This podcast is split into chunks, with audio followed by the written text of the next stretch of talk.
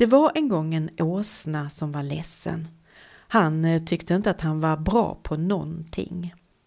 Jag kan inte springa fort, inte galoppera eller hoppa över hinder.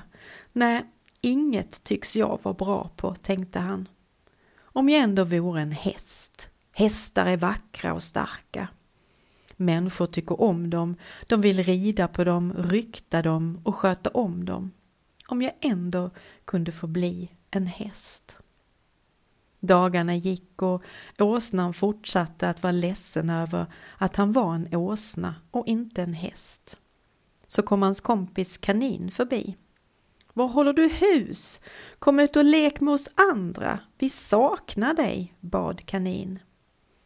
Nej, jag vill inte komma ut eftersom jag inte är en häst, sa åsnan. En häst? undrade kanin. Vi vill ju vara med dig, åsnan.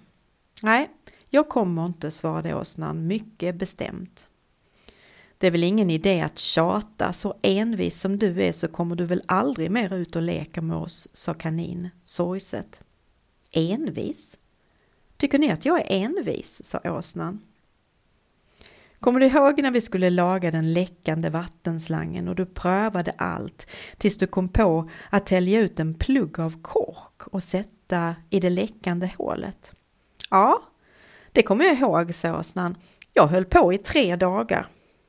Jag tror minsann att jag är bra på att vara envis, sa åsnan glad. Men just nu tänker jag inte vara envis, sa han och skrattade. Och så tog han ett glädjeskutt och skyndade tillsammans med kanin ut till vännerna.